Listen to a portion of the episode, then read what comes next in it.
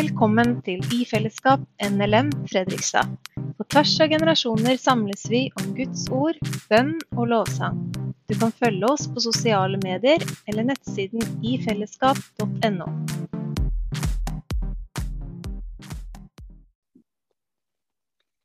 Ja, jeg eh, har hørt gjennom talen som eh, Hildegunn hadde forrige søndag dere hadde møte. Og, og som hun oppfordra til, så har vi lyst til å si hvis dere har Bibelen i nærheten, så finn gjerne fram den. Og finn fram første Mosebok kapittel 30. Eh, vi skal inn i helt i slutten av kapittel 29, men, men hvis dere finner fram kapittel 30 i første Mosebok, så er vi liksom uh, on track. Um, og Hildegunn hun tok oss jo gjennom de første åra i Jakobs historie. Og Jakob han er jo veldig viktig i den gammeltestamentlige historien, sånn som hun peker på. I Bibelen så finner vi flere plasser uttrykket Abraham, Isak og Jakobs Gud som et navn på Gud den allmektige, som vi også tror og tilber i dag. Eh, og en del plasser i Bibelen så står det bare Jakobs gud. Så Jakob han er viktig, og er, er også han som ble stamfar til de, de tolv stammene som israelsfolket etter hvert skulle utgjøre. Og litt sånn som, Bare for å ta opp tråden litt fra sist gang. Eh, litt sånn som Hildegunn sa sist, at da skulle man jo tro med en såpass eh, sentral rolle at at Gud valgte ut en med liksom plettfri vandel og få anmerkninger i boka. Men Jakob han er et menneske sånn som meg og deg. Og han var også en luring, som bl.a. lurte til seg førstefødselsvelsignelsen fra sin bror, storebror Esau. Tvillingbror, men storebror Esau. Og Likevel får han altså denne viktige plassen i Israels historie. Når vi kommer inn i teksten, så har han Jakob flykta til onkelen Laban, som bor i et helt annet land, for å komme vekk fra Esau sin vrede etter dette, her, eh, denne, dette tyveriet egentlig av farens velsignelse. Når han kommer dit, så går ikke det lenge før han blir forelska i dattera til han Laban, som heter Rakel, og blir enige om at han skal jobbe sju år for å få henne til kone. Og etter disse sju åra så blir det bryllup. Men som eh, dere husker, så er det luringen som nå blir lurt. Og eh, han våkner altså opp med Lea, søstera til Rakel. Og, da, og mange ganger når jeg har fått liksom, hørt denne fortellinga framstilt, så er det liksom Tenk så fælt for han Jakob eh, at dette skjedde. Men jeg må jo si at etter å ha jobba litt med denne teksten, så er det jo kanskje vel så synd på Lea, som blir på en måte tvinga til å gifte seg med en mann som hun vet jo ikke at ikke det er hun han vil ha. Og De har ikke vært gift mer enn ei uke. Eh, så får han Jakob lov å gifte seg med Orakel, som han da elsker, eh, mot at han skal jobbe sju år til på Laban sin gård. Og Det er på en måte der vi begynner. da. Eh, for at Hvis dere ser i vers 30 skal vi se nå da, 31 i kapittel 29. Så får vi et lite innblikk i den forferdelig uholdbare situasjonen som Olea er i. Og Dette er bare en sånn liten detalj, men jeg ble så tatt av det. Og jeg tror kanskje det har noe med jobben min å gjøre. nå At jeg, at jeg jobber med sjelesorgarbeid og møter jo på mange fortellinger, livsfortellinger i jobben min. Så kanskje det er derfor jeg, det liksom slo meg nesten litt ut når jeg leste det. For det står da i kapittel 29 vers 31. Da Herren så at Lea ikke ble elska. Da Herren så at Lea ikke ble elska, så åpna han morslivet hennes. Lea hadde enda ikke fått barn. Og så får altså Lea eh, barn. og får da også noen å elske, og får liksom gitt han Jakob det som ja, på en måte ei kone skulle. da, Skulle jo gi sin mann sønner. Men dette eh, Jeg har lyst til at vi skal stoppe bitte litt med dette, for dette sier så mye om hvem Gud er. At han ser til den enkelte midt inn i denne store historien så ser han denne smerta som hun Lea lever med i et ekteskap. Hun er tvinga inn i et ekteskap som, med en som ikke er glad i henne. Eh, og hun har ikke noen mulighet til å komme seg ut igjen derifra. Og så ser Gud hennes situasjon, hennes smerte, eh, og gir henne først en sønn, og siden flere. Sånn er Gud. Gud er en som har omsorg helt inn i liksom det innerste i livet.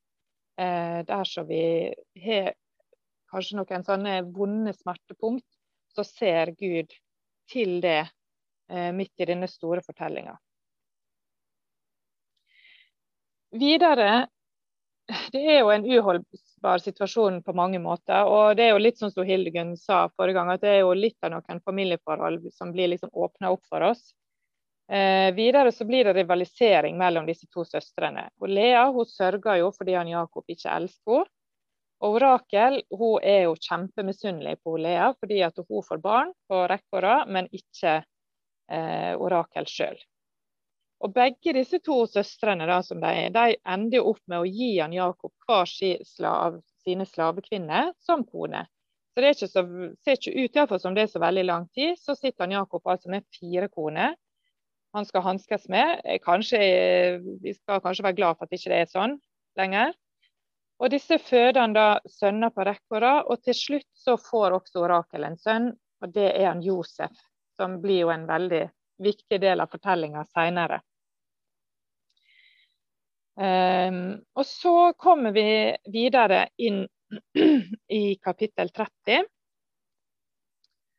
Og da eh, er det dette her eh, at han Jakob han har nå vært mange år hos han Laban. Han har jobba disse 14 åra som han hadde lovt, og vært der også enda lenger etter det og spør nå om han kan få lov å reise hjem. Han begynner å kjenne liksom på at nå begynner, da har han jo fått en stor familie sjøl, og ønsker å komme hjem til sine, til sitt heimland og slå seg ned der. Men Laban han er ikke så hypp på at han Jakob skal få lov å reise. Eh, for han ser jo det at, at eh, alt har vokst eh, disse åra som han Jakob har vært der. Det er akkurat som Guds velsignelse er med han Jakob. Eh, og Det ser han Laban, så han har ikke lyst til at han Jakob skal få lov til å reise.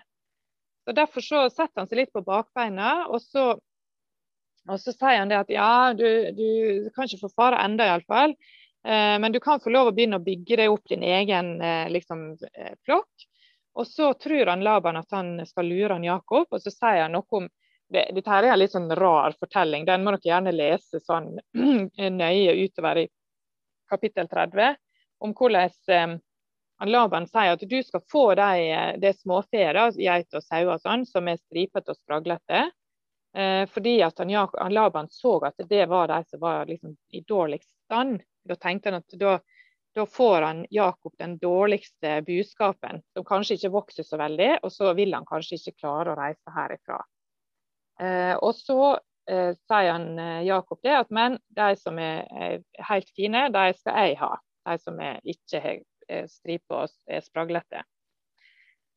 Og dette det, det, følger jo han Jakob. Han tar ikke noe fra han Laban som ikke han har fått lov til. Men der, ja, det, det, er fortalt om noen pinner fra et spesielt tre som han driver og setter opp i vanntrauet.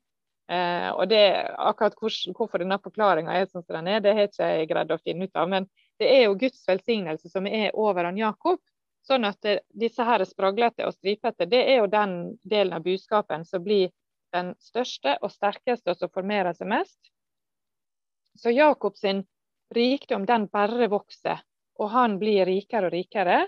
Mens budskapen til Laban den er litt mer stusslig. Og Det står det at han Jakob han fikk også egne slaver etter hvert, og kameler og esel.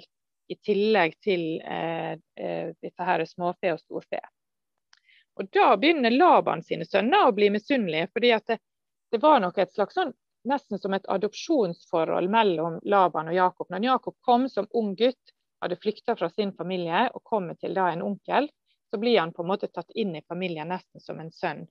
Og nå, Da begynner jo nå eh, sønnene til Laban å bli litt sånn smågretne, fordi at han, Jakob har slått seg opp og er nok redd for at det, i tillegg til alt det han er greid å bygge seg opp, så skal han ta rikdommen til faren.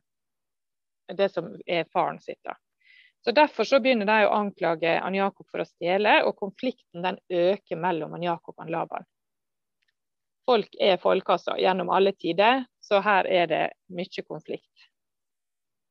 Og Det begynner å dra seg til eh, for Jakob, og da sier, kommer Gud til han i kapittel 31 og sier vend tilbake til ditt heimland og din slekt, og jeg skal være med deg. Det står det i kapittel 31, vers 3. Så nå, etter mange år, og Jakob har på en måte prøvd å komme seg unna Laban, så er det Gud som sier, gir klarsignal. Nå er tida kommet, nå må du fare. Og så setter han opp en sånn eh, eh, greie som gjør at han greier å flykte uten at det blir lagt merke til. Eh, vekk fra Laban. Eh, og igjen så er Jakob på flukt. Rett før de skal til å reise, så tar Orakel med seg husgudene til faren. Det vet ikke han Jakob om, men Orakel hun stjeler dem. Hvorfor hun akkurat gjør det, det er ikke så godt å vite, men, men hun tar med seg eh, dem. Laban han bruker noen dager på å skjønne at han Jakob er vekk, men når han oppdager det etter, eh, etter noen dager, så han, tar han med seg en haug av sine menn og setter etter han Jakob for å stoppe han. Men på veien så stopper Gud også han Laban og snakker til han Laban og sier det at det, egentlig advarer han Laban mot å gjøre noe vondt mot han Jakob. Så Gud han beskytter Jakob. Og Laban, han, eh, Det gjør at han Laban, når han tar igjen han Jakob, ikke går til angrep sånn som han nok kanskje hadde tenkt først. Men han prøver på en måte å, å få overtale han Jakob og de andre til å være med tilbake igjen. Og peker på det at du, du har jo tatt med deg døtrene mine og barnebarna mine, og sånn, og til og med har du stjålet husgudene. Og eh, Dere kan godt eh, lese på egen hånd hvordan Orakel løser dette, her, fordi at hun greier å lure faren sin her eh, med, på en litt sånn eh, fiffig måte. Så det er jo litt artig. Det kan dere egentlig bare lese sjøl. Men etter mye fram og tilbake så blir disse to karene, Laban og Jakob, enige om å inngå en pakt inngå en fredspakt, egentlig. Og de setter opp en stein eh, der eh, Laban sier og Jakob lover at å ikke krysse over den steinen i ufred, altså ikke komme over på den andre sitt, eh, sitt territorium i, med liksom krigerske hensikter, da. men bare, bare komme eh, krysse den grensa hvis det er i fred. Så de, de, inngår på en måte en slags fred og drar da hver til sitt. Og På den eh, måten blir et kapittel i Jakobs liv på en måte avslutta. Tida i dette andre landet med eh, Laban, onkel Laban er over. Og turen mot sine heimlige trakter den, den eh, starter for fullt. Og nå er det jo fokus på hva vil skje når jeg treffer en Esau. Nå er det på en måte det som er fokus for Jakob. Han har vært borte i over 20 år. Og han er fortsatt redd for at han Esau er sint for dette med denne førstefødselsretten. Så Derfor så sender han bud for å sjekke forholdene. Han sender foran seg eh, noen av tjenerne sine og ber eh, egentlig om nåde. Og Vi kan lese fra kapittel 32, fra vers 2. Dette skal dere si til Esau, min herre. Så sier Jakob, din tjener. Jeg har holdt til hos Laban og har vært der helt til nå. Jeg har fått okser, esler og småfe, slaver og slavekvinner. Og nå sender jeg bud og gjør dette kjent for Herren min i håp om at du vil se på meg med velvilje. Budbærerne kom tilbake til Jakob og sa, vi møtte Esau, broren din, og, han kommer, eh, og nå kommer han imot deg med 400 mann. Da ble Jakob grepet av redsel og angst. Han delte folket som var med ham, og småfe, storfe og kamelene i to leirer, for han tenkte om Esau kommer over den ene leiren og angriper den, så kan de som er den andre leiren, slippe unna. Og Så kan vi videre lese eh, rett etter dette i kapittel 32 hvordan Jakob innstendig ber til Gud også. Først så handler han, han deler leiren i to for å liksom være sikre seg at han kan sitte igjen med noe hvis han Esau nå kommer for å utslette alle. Og så ber han eh, innstendig til Gud også. Og I den bønnen så ser vi egentlig at eh, Jakob er en, en, mann som har levd med Gud disse åra. Først så anerkjenner han sin posisjon overfor en hellig og allmektig Gud. Jeg er uverdig, sier han i denne bønnen til Gud. Og så samtidig så peker Jakob frimodig på det løftet som Gud en gang ga, at du og de slekt skal bli tallrike. På en måte For å minne Gud på det at ja, men hvis han Esau nå kommer og knerter hele gjengen her, så vil jo det eh, løftet som du ga, da blir, blir jo det nulla ut av når det at alle, hvis alle blir, blir drept. Og Det syns jeg er en sånn tillit til Gud. både denne her, Jeg vet at min posisjon er at jeg er ikke noe verdt i forhold til deg, store og allmektige Gud. Men jeg har samtidig et sånt forhold til deg at jeg kan peke på det, det løftet som du ga. Det er jo noe sånn frimodig over det, som jeg tenker at vi også skal få lov til å lære av og ta med oss inn i bønnelivet vårt. Både det å bøye oss for Gud, og også få lov til å frimodig både be om alt vi vil og alt vi trenger, og også minne Gud på de løfter som vi har sett når vi leser Bibelen. Og så, eh, etter denne natta, da, der eh, Jakob erkjenner at han er redd for Esau, så eh, velger han ut en haug med geiter og bukker og sauer og kameler. Det er ikke måte på esel og eselhoppe og tar ut av sin egen flokk. Og så sender han tjenere i møte med han Esau med alt dette for, som gave for å, i håp om å blidgjøre broren sin. Når alt, alle disse er dratt av gårde, leiren er delt i to, så tar han også og flytter de som er igjen i den leiren han er i, over på andre sida av ei elv, slik at han Jakob er nå helt alene. Og Da skal vi inn i noe av det som er en av de ja, rareste, det vet ikke om jeg skal si, men en veldig spesiell fortelling i hele bibelfortellinga, syns jeg, da, fra kapittel 32 og vers 21. Og det er jo Jakobs kamp med Gud. Han Jakob er nå alene igjen i denne leiren, og det blir ei urolig natt. Eh, for det kommer en mann og begynner å kjempe med han Jakob. De, slåss rett og slett mann mot mann. Og vi, alle, alle som på en måte fortolker Bibelen og dette, tror jo og mener at dette er jo Gud sjøl som kommer i en menneskeskikkelse og kjemper med han Jakob. Og da er jo Gud mye sterkere enn Jakob. Altså Han kunne jo bare liksom knipsa og kampen var liksom over. Men Gud lar han Jakob få fortsette å kjempe. Han overvinner han ikke, Jakob klarer ikke å vinne, men han blir heller ikke helt overvunnen. Um, og Jakob han kjemper på. Han, han får rett og slett tviholde på Gud. Uh, og til slutt så berører Gud han på hoftskåla, slik at den kommer ut av ledd. Og Det gjør jo at han Jakob er i en veldig sårbar eh, posisjon. Eh, og fortsatt så holder Jakob fast. Dette er hans livskamp jeg tror han Jakob på en eller annen måte forstår det. Dette er min livskamp. Og til slutt, når morgenen begynner å gry, så, mannen, eh, så, så ber denne mannen Jakob om å slippe. Nå må du slippe. Men da sier han Jakob nei, jeg slipper ikke før du velsigner meg. Det er et ganske sånn sterkt øyeblikk, syns jeg. fordi Dette med å fortelle meg noe om hvem Gud er. At han selv om han er den store allmektige, da, så lar han Jakob få lov å tviholde på han, og faktisk nekte å slippe før han blir velsigna. Og denne mannen, dette som er da Gud, velsigner nå på nytt Jakob og sier du skal få et nytt navn.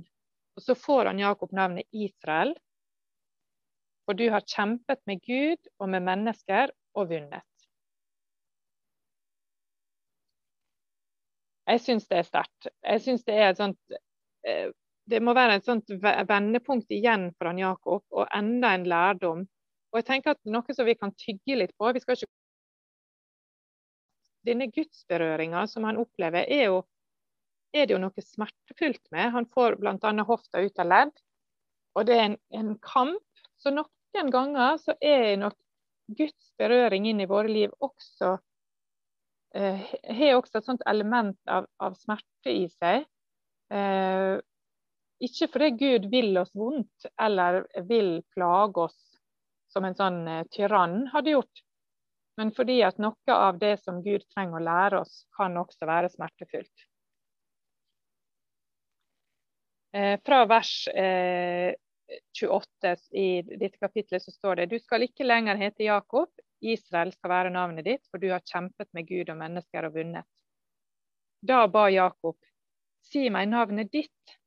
Han svarte, hvorfor spør du om navnet mitt? Og så velsignet han ham der.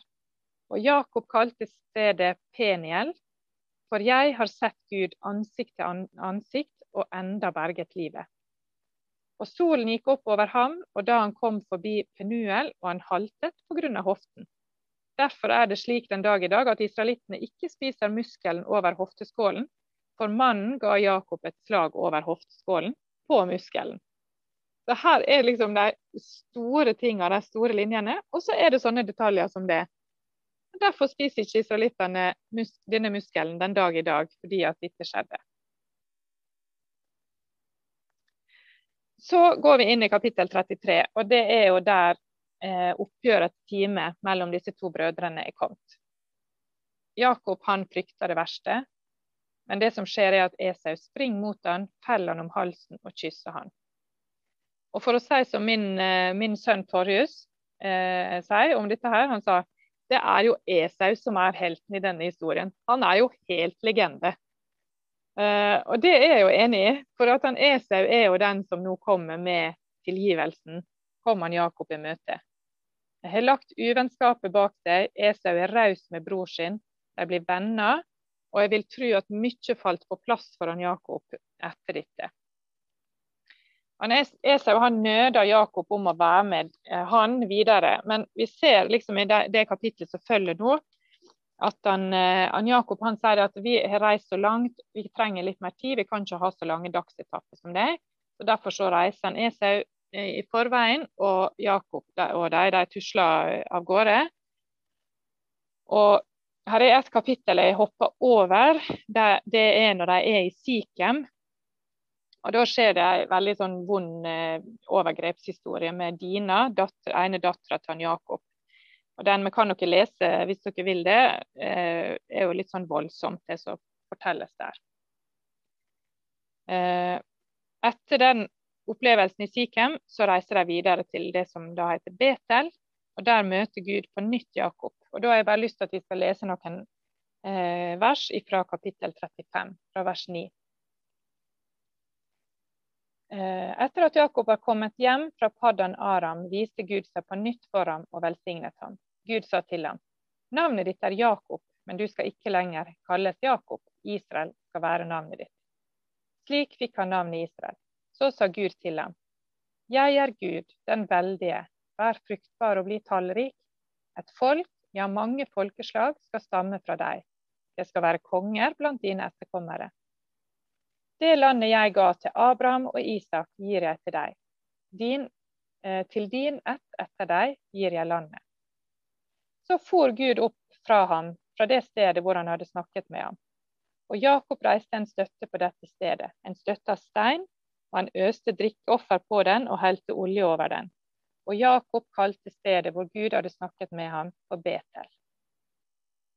Guds løfte til Jakob om at eh, slekta hans skal bli tallrik og stor, den blir stadfesta nok en gang. Og I slutten av kapittel 35 så kan du få en oversikt over alle sønnene til Jakob, og hvordan det henger sammen hvem som er mødre til de forskjellige eh, tolv eh, sønnene. Og Disse blir altså stampedre til de tolv stammene som utgjør israelsfolket. Og som når lenger fram i historien, når de kommer hjem igjen fra Egypt, oppholdet i Egypt, så deles landet inn i disse ulike delene etter disse tolv stammene, og de ulike stammene bosetter seg på de ulike landområdene. Så Det er liksom den store linja. På veien videre nå så dør Orakel, Jakob sin store kjærlighet. hun dør i fødsel når Josef eh, endelig får en lillebror, som da blir kalt for Benjamin. Og Når Jakob endelig kommer fram til Hebron, der han Esau og han Isak bor, så rekker han å møte og få, og liksom forsoning med sin far, Isak, som da dør 180 år gammel. Og jeg syns det er en sånn fin liten detalj at det står at disse to brødrene de gravlegger sin far i lag. Og Det tenker det sånn, det gjør man ikke hvis man er i strid, tenker jeg. Så disse to brødrene har slutta fred, og så får de sammen gravlegge sin gamle far. Og Her slutter fortellinga fortalt fra Jakob sitt synspunkt. Eh, Jakob er med i mange kapittel videre gjennom Josef, fortellinga om Josef. Så vi vet at han Jakob skulle leve en god del år til og oppleve både denne store sorga at han Josef forsvant, men også at han ble funnet igjen i Egypt. Så Det ligger liksom i de kapitlene som, som følger nå etterpå. Helt til slutt så har jeg bare lyst til å peke på to punkt som jeg for så vidt har eh, tatt litt fram gjennom, eh, gjennom, eh, denne gjennomgangen. Men bare minne oss på disse to punktene som jeg ønsker at vi skal sitte igjen med. Det første det er det at Gud han er historiens gud. Til tross for at vi mennesker er både svake og svikefulle, ikke holder mål, så er Gud trufast og rettferdig og har oversikt og greier å gjennomføre sine løfter. Og bruker faktisk oss mennesker også eh, inn i dette. Eh, inviterer oss til å være med på hans store fortelling. Og løftet Gud ga til Jakob om at hans ett skulle bli tallrik, det løftet det holdt han. Gud han er historiens gud. Og Det kan være liksom godt å tenke på når det alt kastes litt om rundt oss også. Nå tenker jeg nå denne tida vi har hatt med, med, pandemi, som liksom gjør at alt blir så usikkert, så kan en nesten uh, lure liksom litt på hvor Gud er Hadde Gud kontroll på ditt, da, liksom? Men det har han, og han er en gud også når det er pandemier, krise og kriger. Han er historiens gud. Det er liksom det store bildet. Og så er det dette med at samtidig som han er historiens gud, Abraham, Isak og Jakobs Gud, så blir jeg også så grepet av at han er, kommer mennesket, enkeltmennesket, så nær i denne store fortellinga. Det er ikke sånn at han, han, bruker oss som bare sånne middel, men han lever og ønsker å være nær oss. Eh, være tett på oss som kjemper med livet våre. Eh, være tett på når vi skal leve det. Eh, han, han, ser til Lea, som ikke ble elska. Han velsigner han Jakob, selv om han var en luring. Han lar han Jakob måtte kjempe, men han overvinner han ikke. Gud er en Gud som hører bønn, ser smerte og redsel, og ønsker å komme nær. Og Slik er han i dag også. Og Jeg har lyst til å oppmuntre dere til å gi til Gud både smått og stort. Eh, gledene og sorgene, så tror jeg du vil erfare at han er en som ser og lever tett på. Og helt avslutningsvis så har jeg bare lyst til å si at vi ser at ved slutten av livet til disse gamle gutta, da, hvis vi skal kalle dem det, både Abraham, Isak og Jakob, så vitner de alle tre om Guds storhet når de går døden i, og de går på en måte trygt døden i møte med Guds lys over den også.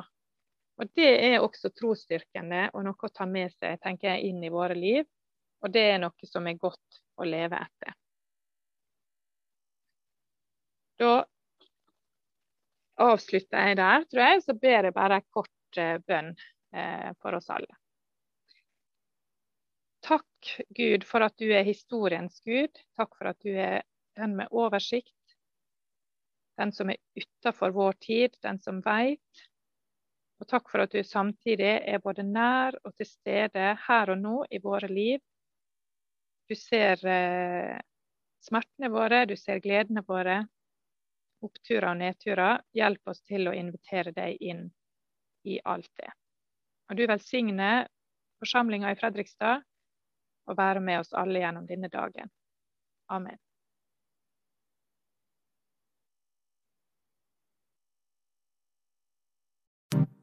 Takk for at du har hørt på podkast fra I fellesskap. Vi håper det blir til velsignelse for deg.